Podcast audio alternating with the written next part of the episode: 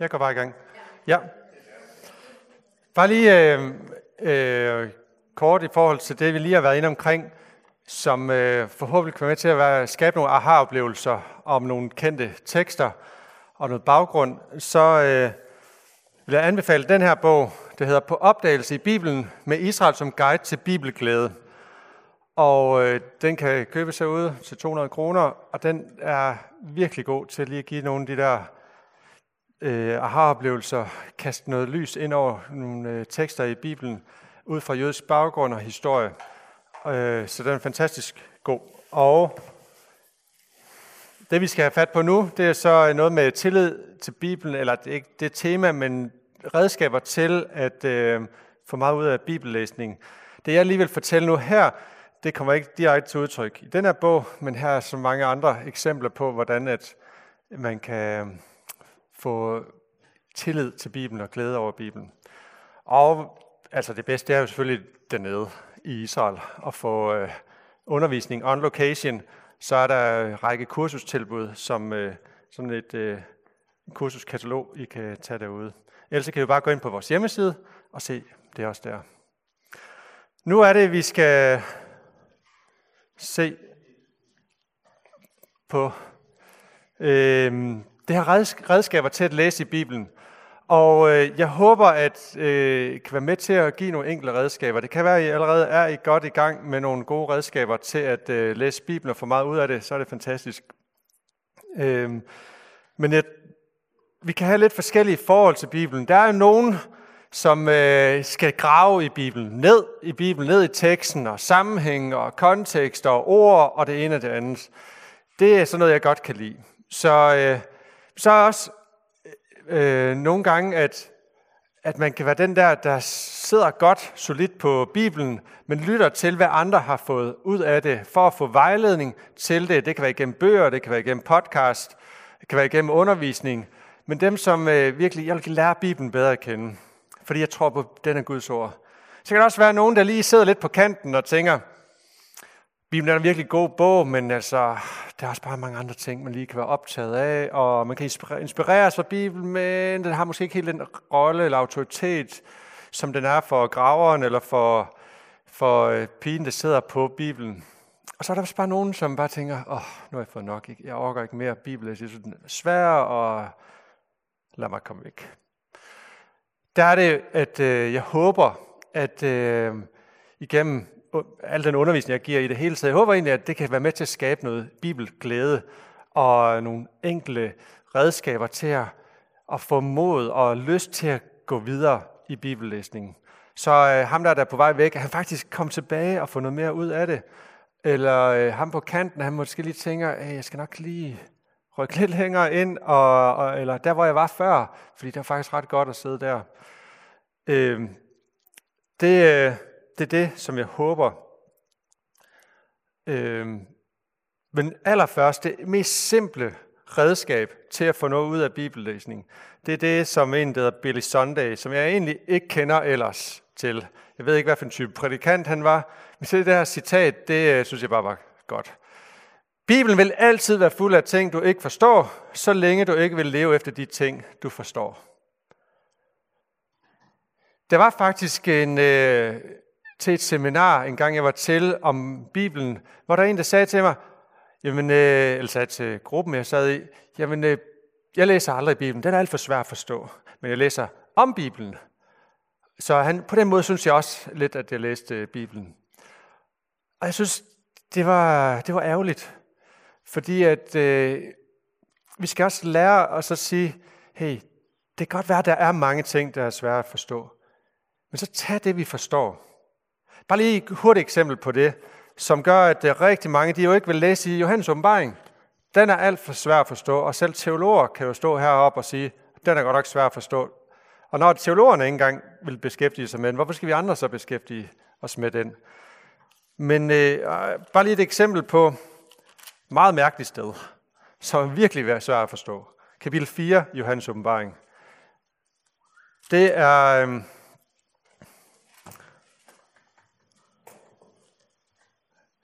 Prøv at høre. Derefter så jeg og se, der var en åben dør ind til himlen, og den røst, jeg først havde hørt tale til mig, og som lød som en basun, sagde, Kom herop, så vil jeg vise dig, hvad der siden skal ske. Straks blev jeg grebet af ånden, og så en trone stå i himlen, og en sidde på tronen. Og han sad på tronen, og han, der sad på tronen, var at se til, ligesom jaspis og sarter, og der var en regnbue rundt om hans trone, at se til som smaragd. Og rundt om tronen stod 24 troner, og på tronerne sad 24 ældste i hvide klæder og med guldkrone på hovedet. Fra tronen kom der lyn og brag og torden, og foran tronen stod der syv brændende fakler. De er Guds syv ånder. Foran tronen var der noget ligesom et glashav, så klart som krystal. Rundt om tronen midt for siderne var der fire levende væsener, fulde af øjne, både for og bag. Det første levende væsen lignede en løve, det andet lignede en okse, det tredje havde et ansigt som et menneskes, og det fjerde lignede en flyvende ørn. De fire væsener havde hver seks vinger, fulde af øjne hele vejen rundt og på indersiden. Og de siger uden ophør dag og nat, Hellig, hellig, hellig er Herren, Gud den almægtige, han som var og som er og som kommer. Og når de fire væsener giver pris og ære og tak til ham, der sidder på tronen, og som lever i evighedernes evigheder, falder de 24 ældste ned for ham, for ham, der sidder på tronen, og de tilbeder ham, som lever i evighedernes evigheder. Og de lægger deres kroner ned for tronen og siger, Værdig er du, hvor Herre og Gud, til at få pris og ære og magt, for du har skabt alle ting. At din vilje blev de til og blev skabt. Der er der virkelig, for mig at se i hvert fald, meget vanskelige ting, der bliver nævnt her. Hvad er det for nogle væsener? Hvad er det for noget, han ser? Hvad er det for, altså den trone, der er et eller andet meget besynderligt syn, som han får her, med en række detaljer, der bliver beskrevet af nogle væsener, som vi overhovedet ikke kan genkende. Jo, vi kan genkende noget, der hedder løve og ørn og sådan noget, men, men vinger med øjne på, altså hvad? Weird, mærkeligt, underligt. Og det er så noget, som kan få nogen til at sige, åh, mærkeligt, jeg forstår det jo ikke. Men så der er der dog noget i den her tekst, som vi kan forstå. Og det er, at Gud han skal ære. Uanset hvilket væsen man er, så skal man give Gud ære. Og hvem de 24 ældste er, og øh, hvad det betyder, at de lægger kroner for, ved da, det kan godt være, at der er mange, som ikke lige ved, hvad det betyder, hvad de, men giv ham ære. Det kan vi da forstå. Så tag det med sig, og så læs videre. I stedet for at lukke bogen til og så sige, Nå, mærkelig tekst, den forstår jeg ikke. Gå i gang med at bede, tilbede Gud. Bøje sig for ham. Læg sit liv over til ham. Giv ham ære i medgang og modgang. Fordi han har bare alt det, han fortjener. Det kan jeg få ud af den her tekst. Og så når jeg gennemgår øh, Johannes åbenbaring på discipleskolen i Israel, så er det det, jeg også pointerer ud fra den her tekst, fordi så kan jeg godt pege på nogle ting, som det kunne antyde nogle af de her dyr, og jeg kunne pege på øh, noget fra Ezekiels bog, som minder om det. Men okay, hvis man ikke uh, lige er med på det, og jeg synes stadigvæk, der er noget i den her tekst, der er svært, vil være, så siger jeg også deltagerne, prøv at lad os bare tilbede ham. Det kan vi se. Og det er udgangspunktet for alt, hvad vi skal læse i resten af, af Johannes åbenbaring. Det er, at Gud han er på tronen. Og det er godt at vide, når man læser videre i Johannes åbenbaring. For der kan det godt se noget kaotisk ud med nogle af de ting, der sker. Så tag det, man kan forstå, og så læs videre. Og lev efter de ting. Gør de ting, som der står, vi skal gøre, som vi faktisk godt forstår.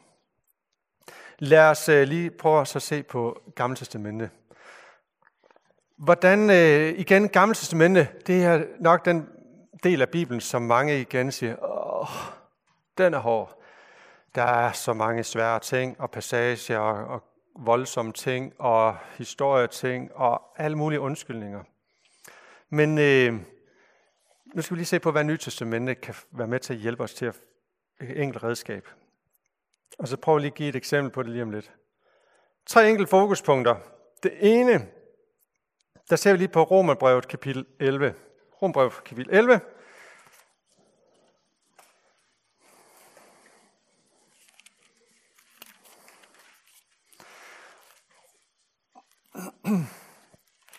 Rombrevet kapitel 11 er et afsnit, som netop handler om Israels rolle i forhold til frelsen.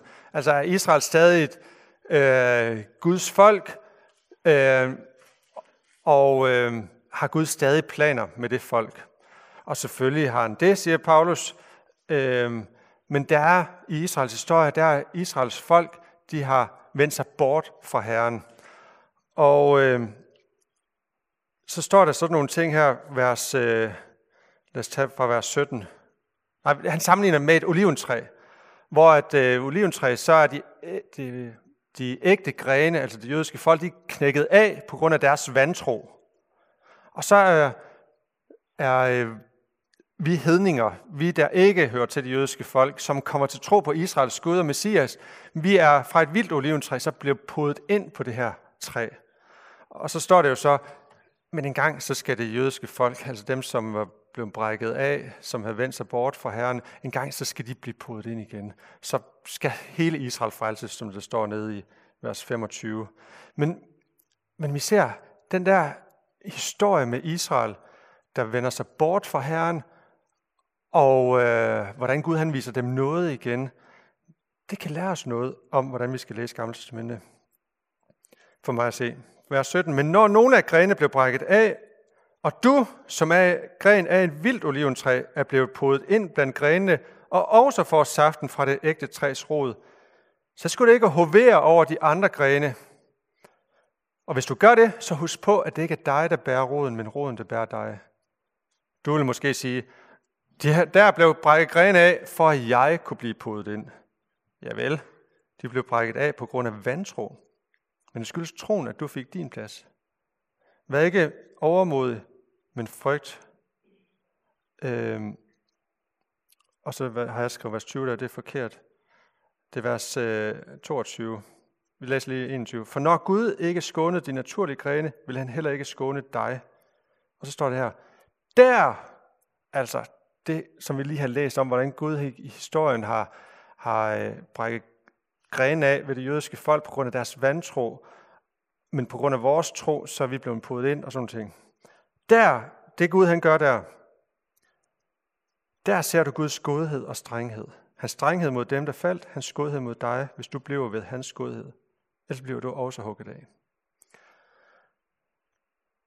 Paulus han hjælper os lige til at sige her, når han lige riser Israels historie op her, så siger han lige, der, der ser I, hvem Gud han er. I hans godhed og i hans strenghed. Og det perspektiv, det er altså for mig at se fantastisk at tage med ind over læsning af det gamle testamente. For hvem er det egentlig, det handler om, når vi læser i Bibelen? Det handler først og fremmest om, hvem Gud han er. Ikke om, hvem vi er. Det er der også, og det vil jeg sige lige om lidt. Men øh, når vi skal lære, hvem Gud er, så skal vi ikke se Bibelen som sådan en opslagsbog, hvor vi siger, sådan er Gud, sådan er Gud. Nej, det er en historiebog, hvor at Gud han demonstrerer, hvem han er igennem historien. Der står flere gange om Guds navn, og vi skal se et eksempel på det om lidt, at Gud han har skabt sig et navn igennem Israels historie. Hvordan ved vi, hvem Gud han er? Jo, øh, nu kender jeg ikke jer så godt, men jeg kender Karolina og Rasmus. Når jeg hører de navne, så forbinder jeg jo noget med dem, og jeg forbinder noget historie, nogle minder og alt det her fra højskole og københavnertid og sådan ting, fordi det knytter jeg til deres navne. Men jeg kender ikke jeres navne. Og øh, så jeg, der har jeg ikke, jeg ved ikke, hvad jeg skal forbinde med de navne. Men sådan er det jo. Gud han har jo skabt sig et navn, for han vil gøre sig kendt, så at vi knytter noget til dem, den han er. Så vi på den måde lærer ham at kende. Så det her med, hans navn er super centralt i Bibelen. Og det står direkte i, Nehemias bog, kapitel 9, hvor hele Israels historie og Guds gerning gennem historien bliver nævnt. Der står der, og du skabte dig et navn. Hvem er Gud i hans godhed og strenghed? Det, det er ham, det handler om. Vigtigst af alt. Øhm, så det er, det er faktisk en super enkel tilgang. Jeg vil lære noget om, hvem Gud han er. Og når jeg så læser historierne, øh, Josvas bog og øh, dommerbogen, og, så, øh, så vil jeg lære noget om Guds godhed og hans strenghed. Det har jeg jo lært noget om at kende. Vi prøver lige i praksis øh, lige om lidt. Det næste, det er i 1. Korintherbrev, som også lige giver os en øh, vejledning til det. 1. Korintherbrev, kapitel 10.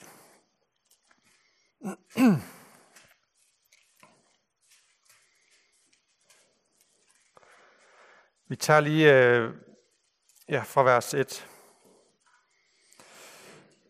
Det skal I vide, brødre. Ved hvor fædre, eller vel var vores fædre alle under skyen og gik alle gennem havet, og blev alle døbt til Moses i skyen og i havet, og spiste alle den samme åndelige mad, og drak alle den samme åndelige drik, for de drak af en åndelig klippe, som fulgte med, og den klippe var Kristus. Og alligevel fandt Gud ikke behag i ret mange af dem. De blev slået ned i ørken. Og igen, her er det et godt eksempel på noget, som kan virkelig noget knuder, der er lidt uforståeligt. Hvad er det lige for noget? Men okay, vi ved, det er noget Gud han har gjort imod Israels folk i historien. Og så står det videre her. Derved blev de advarende eksempler for os, for at vi ikke skal få lyst til det onde, sådan som de fik det. Derved blev de advarende eksempler for os. Så vi skal læse i Gamle Testamentet for os at få vejledning til os. Så, så det står her, bliv heller ikke afgudstyrker, sådan som nogle af dem blev det, som der står skrevet. Folket satte sig ned og spiste og drak, og de rejste sig for at danse. Det er altså ikke i sig selv synd at spise og drikke og en dans. Men, men det blev ind i en øh, kontekst, hvor det var synd. Lad os heller ikke bedrive utugt, sådan som nogle af dem gjorde det, og på en dag blev det dræbt 23.000. Lad os heller ikke udæske, det er et udtryk, øh, ja, hvad står der ind i din? Udfordre, ja. Det kan også være provokere, øh, det kan ligge i det her. Øh, jeg har nogle gange tænkt på i skolen at så sige til en elev, som kan have den der attitude, at du ikke skal udæske mig. Se, hvordan eleven vil øh, reagere på det. Men øh, udfordre en, eller provokere en. Øh, nå, læs videre. Lad os ikke udæske Kristus, sådan som nogle af dem gjorde det, og de blev dræbt af slanger. Giv heller ikke ondt af jer, sådan som nogle af dem gjorde det, og de blev dræbt af dødsenglen. Alt dette skete med dem, for at de skulle være advarende eksempler, og det blev skrevet for at vejlede os til, hvem tidernes ende er nået. Derfor skal den, der tror, han står, se til, at han ikke falder, osv. Så den næste vinkel, vi skal have på læsning i Gamle Testamentet, det er, at det skal være vejledning. Gud han ønsker simpelthen igennem Israels historie vejlede os. Sige, der er noget, vi skal gøre og efterligne som en vejledning til os, men der er bestemt også nogle ting, vi ikke skal gøre. Så øh, vi skal tage afstand fra, fordi vi ser i historien, hvordan konsekvenserne bliver ved deres gerning, ved deres liv. Enten med Gud eller uden Gud. Og det er faktisk hele pointen med udvælgelsen af Israel, det er, at det skal være et demonstrationsfolk over for hele verden. Dels om, hvem Gud han er, og dels om, øh, som en vejledning til alle os andre, der nu kommer til tro på Israels Gud. Så det er den anden simple tilgang. Jeg vil læse i Gamle Testamentet simpelthen for at få vejledning i, hvordan jeg skal gøre eller ikke skal gøre. Og så den tredje punkt, jeg lige tager her. Det er simpelthen bare Guds profetiske plan med Israel og hele verden. Rigtig mange kristne har jeg erfaret, går til Bibelen på den her meget snævre måde, der hele tiden omkredser om mig selv. Hvad Bibelen, den taler altså ikke altid direkte til os, men den taler ind i en historisk sammenhæng, som i første omgang er talt til nogle bestemte mennesker i en bestemt situation på et bestemt tidspunkt.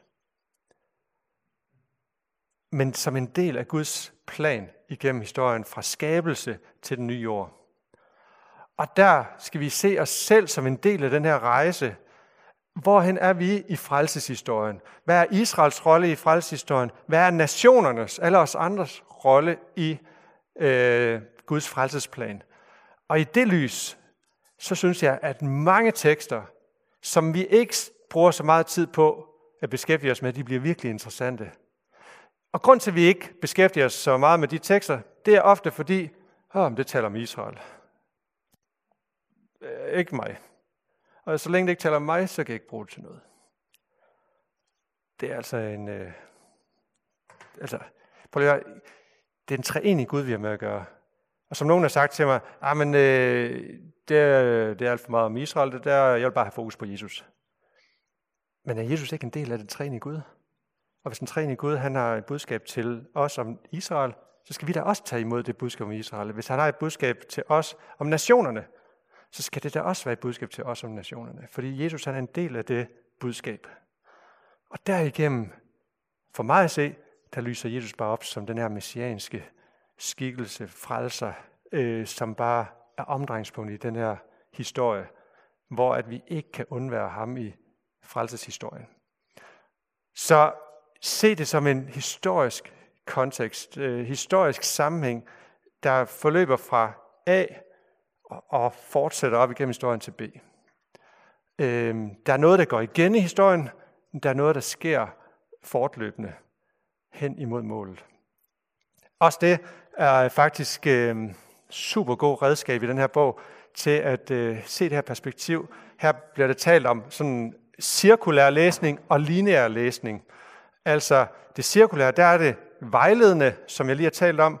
Der er nogle ting i øh, de bibelske personers liv, som vi kan genkende. De blev udsat for fristelser, vi blev udsat for fristelser. De blev udsat for sygdom og nød, vi kan blive udsat for sygdom og nød. Der er venskaber, relationer og lederskab. Det kan vi også erfare. Der er det cirkulære. Der er noget, der går igen, uanset hvor vi er hen i verden, op igennem tiden.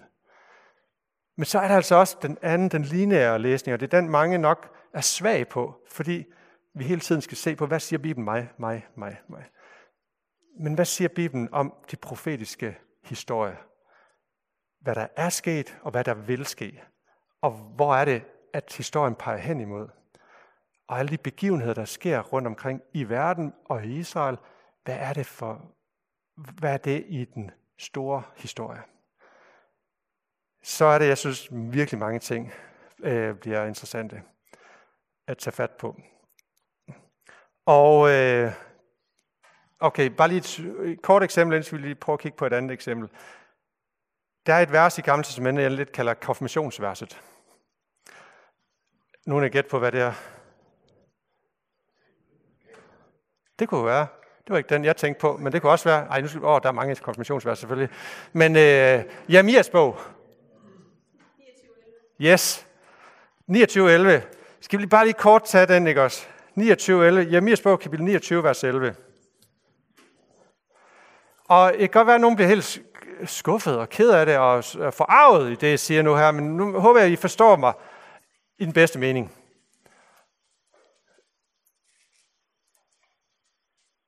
Der står det her vers, som var lige til højre ben til en konfirmand, ikke også? Og til os andre. Vers 11. Jeg ved, hvilke planer jeg har lagt for jer, siger Herren. Planer om lykke, ikke om ulykke, om at give jer en fremtidigt håb. Se, øh, prøv lige at læse over i kapitel øh, øh, 41, nej, øh, 44, 11. Vil jeg også give det til konfirmanden? Kapitel 44, vers 11. Derfor siger herskers herre, Israels Gud, jeg vender mod mig imod jer til ulykke og udrydder hele Juda. Ah, den springer vi lige over. Den giver vi ikke til konfirmanden. Fordi den er jo ikke så god, vel? Det er det dårlige budskab. Det gode budskab. Håb. Men kan I se, så bliver det mig i centrum. Hvad for et vers kan jeg godt lide? Hvad for et vers kan jeg godt bruge? Hvad for et kan jeg ikke bruge? Så bliver jeg sådan, bliver, jeg vælger og brager. Og øh, jamen, jeg mere på kapitel 29, altså hvem var det egentlig skrevet til? Prøv at se kapitel 29, vers 1. Det er det brev, som profeten Jeremias sendte fra Jerusalem. Til hvem? Til de kristne 2.500 år senere? Nej, til de overlevende ældste blandt de landflygtige, og til præsterne, profeterne, alle dem, som Nebuchadnezzar havde ført bort fra Jerusalem til Babylon. Det, altså, det er, vi er der faktisk ikke engang i teksten. Fordi vi har glemt, hvem det egentlig var talt til. Det her det er talt til det jødiske folk. Det er dem, der har fået håb om en fremtid, om lykke og fremtid. Der er nogle planer, Gud han har givet til dem. Men der er også et budskab, fordi hvis vi bladrer over til 44, så er det heller ikke talt til os. Det er også talt til Israels folk.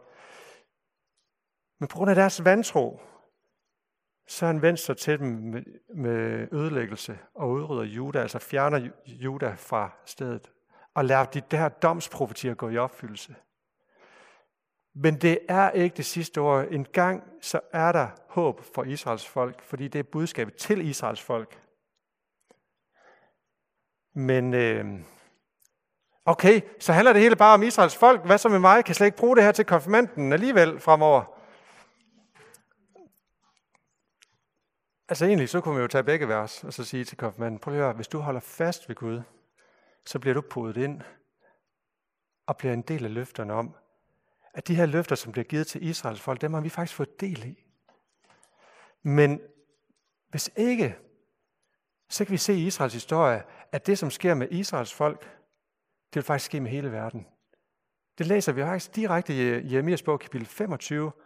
Der ser vi domsbudskab over Jerusalem, og øh, øh, bare lige prøv lige på 25, det er jo lige i nærheden jo. Der er det netop budskab til øh, Israels folk, kapitel 25, om den ødelæggelse, som kommer over dem, fordi de ikke vil høre på de profeter, som sendte budskab om, om øh, Guds nåde og barmhjertighed og omvendelse til ham. De ville ikke høre, og derfor blev Gud nødt til at gribe ind, og så reagere med ødelæggelse over Jerusalem. Og så kan vi jo stå på lidt på, på sidelinjen og sige, prøv lige, hvad der skete med Israels folk. Det var godt nok være hårdt, og vi kunne tage det ind i vores liv, hvis vi også kommer ind for nogle svære ting og sådan noget. Men prøv at høre, hvis vi så læser videre, så står det sådan her, fra vers 15. Dette siger Herren, Israels Gud, til mig. Tag dette bære vin, vredens bære min hånd, og lad alle de folkeslag, jeg sender dig til, drikke af det. Og så er det, at Jeremias han går rundt til først de nærmeste folkeslag, ligesom man kaster en sten i vandet, så er der lige nogle ringe, og så yderringe. Så han sådan går længere og længere væk fra Jerusalem, og så står der jo nede i vers øh, 26, alle Nordens konger, nær og fjern, den ene efter den anden, ja, alle kongerigerne på jorden, og som den sidste skal Shesaks konge drikke. Og det her med Shesak, det er ret spændende, hvis man lige dykker ned i det. Så noget med Babylon og jo, er øh, alt muligt spændende. Det må vi vente med en anden gang. Men øh, så står der videre, du skal sige til dem, altså til nationerne, nu er det ikke til Israels folk, til nationerne. Det siger herskers herre, Israels Gud. Drik jer fulde, kast op, fald om og rejs jer ikke igen, for jeg sender svært ind i blandt jer. Hvis de ikke vil tage bæret i din hånd og drikke, skal du sige det til dem. Dette siger herskers herre. I skal drikke. Nu er jeg begyndt at handle ondt mod den by, mit navn er udråbt over. Skulle I da gå fri? I går ikke fri, for jeg nedkalder svært over alle, der bor på jorden, siger herskers herre. Okay, her er vi virkelig inde på, der er et budskab helt konkret til det jødiske folk om en ødelæggelse i 586 før Kristus. Men øh, det er jo ikke bare et budskab til dem. Vi kan ikke bare stå på sidelinjen og sige, det er godt nok trist, hvad der skete for dem. Nej, der er faktisk klart budskab her. På samme måde, altså det er jo en demonstration på, hvad Gud han også vil gøre for hele verden. Alle mennesker skal, øh, skal få Guds dom øh, for Herren fører sag mod folkene. Han bringer alle mennesker for retten. Sådan er det. På den måde så bliver Israels folk jo en demonstration, som vi andre kan se på, og så sige, sådan vil vi alle sammen blive ramt af Guds retfærdige øh, dom. Vi har brug for Guds nåde i den grad, og det viser han så i den grad også på mange måder. Og derfor har jeg ikke, frygter jeg ikke dom, øh, fordi jeg har stor tillid til, til Jesus. Men øh, Gud han bliver nødt til at gribe ind for hele verden. På den måde så ser vi her, hvem Gud han er i sin godhed. Og især lige her, der er der også meget i hans strenghed. Men øh, vi ser øh, advarende eksempler, hvordan at øh, øh, folket levede igen og igen i modstand mod Gud og gjorde, øh, hørte ikke efter hans vilje. Der er det noget i Israels historie, vi tænker, det skal, vi skal ikke leve, som de gjorde i deres afgudstyrkelse, i deres frafald.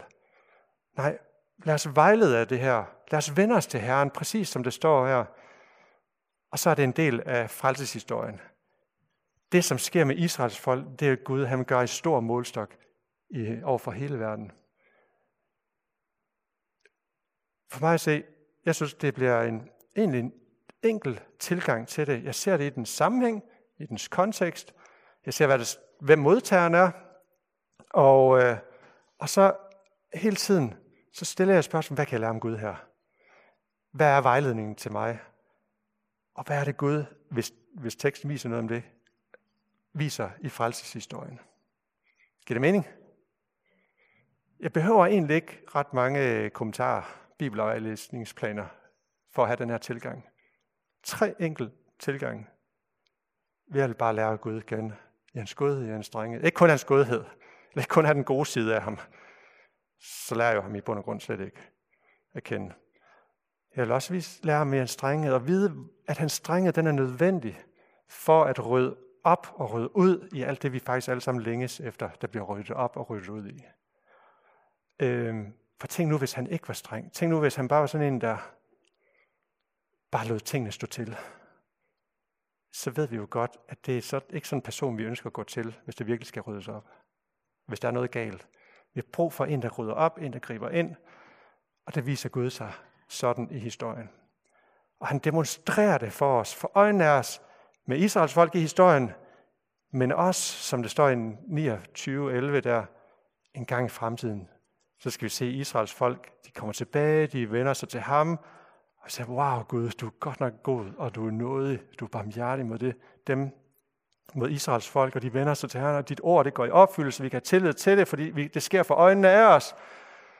Wow, synes jeg er fantastisk. Og det er lige præcis, der tiden den løber, vi skal godt lige over i Nye Testamentet. Og have tre enkle tilgange til Nye Testamentet også. Så det må vi hellere gøre nu, så lige et spørgsmål bagefter. Så jeg springer lige over til Nye Testamentet. Nytestamentet, der havde jeg en øh, fantastisk oplevelse der for mange år siden, hvor at jeg i øh, 97-98 boede et år i Tanzania, var øh, lærervolontør for LM, og jeg havde en elev dernede øh, i første klasse. Så jeg har også meget tid for mig selv, og øh, jeg tænkte, jeg vil gerne lære Bibelen at læse sådan selvstændig. Jeg vil gerne lære at være en selvstændig bibellæser. Og øh, i kunne jeg ikke have alle mulige kommentarer og ting og sager med. Faktisk så havde jeg kun jeg havde tre farver med i mit penalhus. Og jeg havde hørt nogen, øh, øh, om nogen, der sådan streger i deres bibel. Jeg tænkte, det vil jeg også prøve. Men kan vide, hvad, for nogle, hvad skal de forskellige farver symbolisere?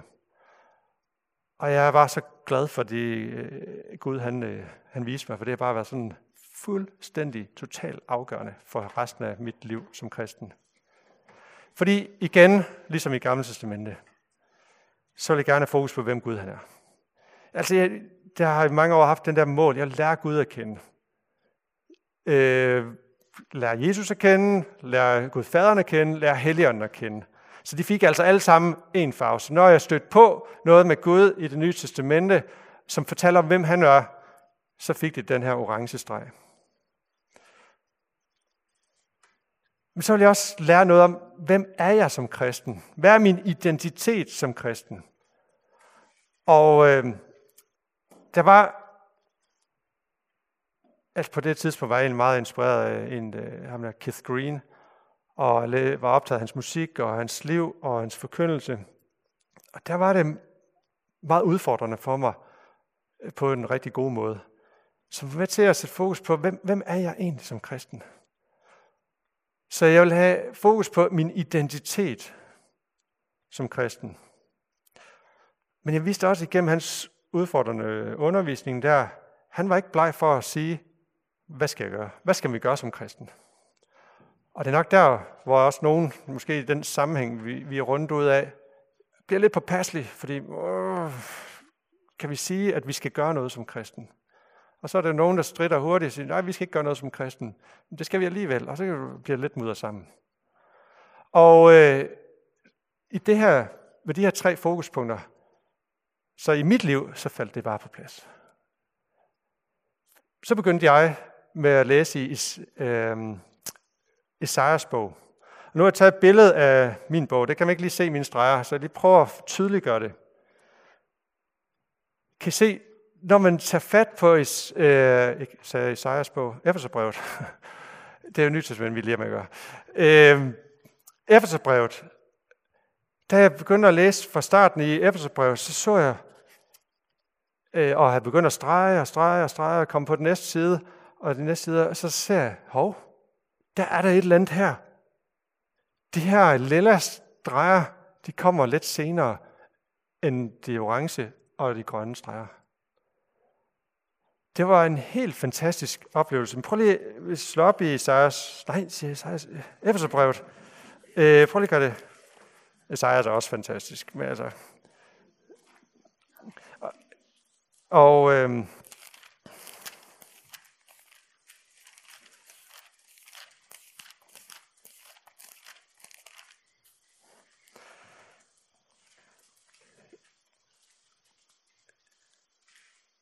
For det, bare det første vers her. Lovet være Gud, vor Herre Jesus Kristi Fader, som i Kristus har velsignet os med al himlens åndelige velsignelse. For før verden blev grundlagt, har Gud i ham udvalgt os til at stå hellige og uden fejl for hans ansigt i kærlighed. Bare lige her. Han har velsignet os. Det fortæller noget om, hvem Gud han er. Det er i Kristus, det her det handler om. Og hvad fortæller det om om mig? Jamen, jeg skal stå hellig. Og jeg er uden fejl. Altså i ham. Det er sådan en identitetsmarkør, der lige bliver nævnt her. Nå, i sin gode vilje forudbestemte han os til barnekår hos sig ved Jesus Kristus. Og til lov og pris for hans nåde skærning, eller herlighed, som han har skænket os ved hans blod. Tilgivelse for vores sønder ved Guds rige noget. Øh,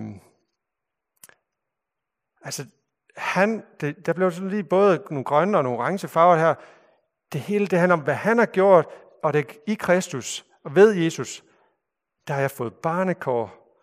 Jeg står uden fejl for ham, og, øh, altså, og øh, jeg har forløsning og tilgivelse ved hans blod. Så gør det altså ikke noget, at jeg så, så kan man læse videre, og der er flere af sådan nogle identitetsmarkører, som bare siger, wow, jeg er bare et barn af Gud. Så er det altså ikke underligt, at der så, når man kommer over i kapitel 4 cirka, eller særligt, og i for kapitel 4, vers 25 står der sådan her, Læg derfor løgnen bort og tal sandhed med hinanden, for vi er hinandens lemmer. Bliv blot vrede, men synd ikke. Lad ikke solen gå ned over jeres vrede, og giv ikke plads for djævlen. Og så videre.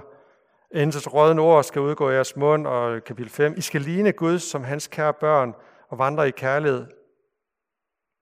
Så bliver der nogle lille streger, der lige bliver markeret. Det er sådan, vi skal leve. Det er da egentlig ret enkelt. Hvorfor? Jo, fordi vi er hans børn. Det er jo lige blevet understreget. Altså, jeg er en mand, jeg er gift med Stine. Jeg skal leve som mand, og jeg skal leve som om jeg er gift med Stine.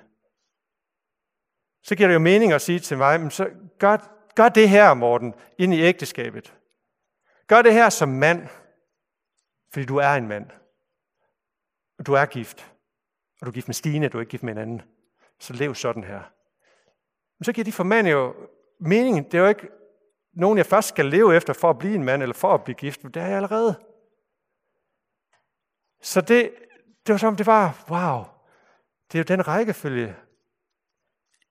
I kan selv øh, lægge mærke til det, når I læser i, i Nye Testamentlige breve, hvor meget at de faktisk ofte går ud af lige i talesæt i starten. Hey, hvad er det Gud han har gjort for os? Hvad er det for en identitet, vi har i ham? Og så derefter så er bare fuld frimodighed med fuld knald på vejledning og formaning. Så lev sådan her, og lad være med at gøre sådan her. Det er da klart, at man kan med fuld frimodighed give de her klare, dybe formaninger, og så skal vi ikke begynde at sige, det er lovtrældom. Nej, hvorfor skulle det være lovtrældom? Det handler jo ikke om lovtrældom, fordi det handler om at leve, som jeg er. Og jeg er et barn af Gud. Det er, det, det er den kontekst, det handler om. Jo, jo, hvis du bytter farverne on, kan man sige, altså de lilla først, så er det lovtrældom. Fordi så, så, så er det som, at du skal gøre alle de her ting for at blive barn af Gud, for at få hans velsignelse, for at få den tilgivelse. Nej, prøv at høre, det er på udgangspunkt i Guds nåde og barmhjertighed. Alt, hvad han har gjort og givet for os. Første Peters brev er faktisk meget, det er lidt kortere brev end Efterbrevet, og der ser man det lidt hurtigere, den der tilgang. Så det er det, er det som øh, er med til at... Øh, eller der, der kan man også se det øh, igen, og det synes jeg vil være en enkel måde til jeres næste bibelstudiesamling eller cellegruppe, eller hvad I kalder det. Så tager jeg lige 1. Peters brev, og hvis ikke I vil strege jeres bibel, så tager jeg lige et papir, og så, så markerer tre linjer, tre felter. Hvem er øh, Gud? Hvad står der i teksten om Gud? Så lige noter det. Hvad står der i teksten om, hvem jeg er som kristen? Og den tredje, hvad er det, hvordan skal jeg så leve mit liv som kristen? Gør det. Tag de tre øh, punkter med øh, til jeres næste cellegruppe. Og, og så, øh, så få masser ud af Bibelen på den måde. Og det har simpelthen gjort, at jeg lever i sådan en dyb fred med Gud. Øh, og så taknemmelig for hans formaninger. Altså, jeg har fået sådan en helt kærlighed til hans formaninger. Det er ikke sådan en træls ting. Nogle gange er det lidt træls, at jeg skal lave om på nogle ting, og være opmærksom på noget, som jeg nok egentlig ikke har lyst til, men jeg ved, hvorfor han giver mig formaning. Og jeg ved også, at det er ikke for at, at øh, gøre mig til en kristen igen, men det er for at fastholde mig som kristen. Og for at bevare mig ind i det her. Og det synes jeg var super. Det var øh, Tanzania, som øh, 20-årig, jeg øh, opdagede det her. Og det bare fulgt mig siden som en øh, fantastisk velsignelse. Ingen kommentarer, ingen øh, øh, fortolkninger og alt muligt andet. Det var bare, Gud, jeg vil bare lære dig at kende. Og så nogle gange fordelen, når man lige skal bruge Bibelen bagefter, man lige kan hurtigt se øh, nogle ting, øh, spotte nogle ting. Det, Den her tilgang er jo forskellig fra den til Gamle Testamentet. Det er fordi, netop i Gamle Testamentet, det er jo ikke skrevet til menigheden. Det er skrevet til Israels folk i første omgang. Så derfor kan jeg ikke bare strege alt ud. Jeg kan ikke bare vælge at strege øh, Jeremias bog 29.11 ud med, med grøn, om øh, sådan, jeg har et håb. Og så over i kapitel 44, vers 11, så ved, har jeg ingen farve, fordi den må, den må jøderne selv få. Altså, det dur ikke. Det bliver sådan en selektiv bibellæsning. Der har jeg den anden tilgang, som Nytestamentet i øvrigt har lært mig. At se det som vejledning i Gamle Testamentet. Og til allersidst, det, det hænger sammen med frelseshistorien. Se den i sammenhæng jo. Lynhurtig gennemgang, ikke også? Dut, dut, dut, dut. Vi kører lige her. Øh, hvordan salmernes, eller hvad, når man læser Bibelens bøger, så er det altså en del af historien. Israels folk 400 år i Ægypten og dommertiden, øh, og så kører vi ellers videre. Jeg skal ikke i gang med. Men det er faktisk også super godt at, at lære historien at kende. Især det her med mange af Bibelens profetiske bøger, de øh, tager udgangspunkt i et tidspunkt, hvor at Israel var delt i to. Og derfor står det mange steder Israel, og nogle steder står det Juda. Og så kan man sige, hvorfor hedder det ikke bare Israel det hele? Jo, det er fordi, at øh, på det tidspunkt var det delt i to. Og derfor var budskabet, som det var. Og der er en god grund til, at det var delt i to. Og det fortsætter jo bare op igennem historien. Den her oversigt her, den bruger jeg super meget selv, øh, når jeg læser Bibelen. Så hvad for en situation er det, vi lige er i i historien? Og den fortsætter jo så. Og det er det, der er så fantastisk, at op til i dag, ikke også? Oh, jamen, Bibelen den beretter om historier, der er sket engang, men den beretter også om, hvad den historie, der skal ske op igennem historien fremadrettet, helt til Jesus kommer igen. Så det er, det er historie, der er sket, og historie, der vil ske. Så historien er ikke stoppet ved Jesus første komme. Den fortsætter, og det er de bibelske profetier og vejledning, det giver os der. Jo, men konkrete mene, øh, mennesker i den forstand, de er en del af en menighed, som er ikke begrænset til en etnisk gruppe, men til dem, der tror på Jesus og kommer til tro på Jesus, og som består af både jøder, der tror på Jesus, og hedninger, der tror på Jesus. Og så ser vi også, hvordan de her menighedsbreve, de faktisk bliver kopieret, læst til andre menigheder. Og helt konkret, et godt eksempel er det jo, at det står direkte i, i Johannes åbenbaring, hvor det kan lige se kapitel øh, 2 eller 3. Der er der nogle menighedsbrev fra Jesus til syv helt konkrete menigheder. Og så kan man også tænke, okay, var det bare et budskab til dem? Vi er ligesom 2000 år senere. Øhm.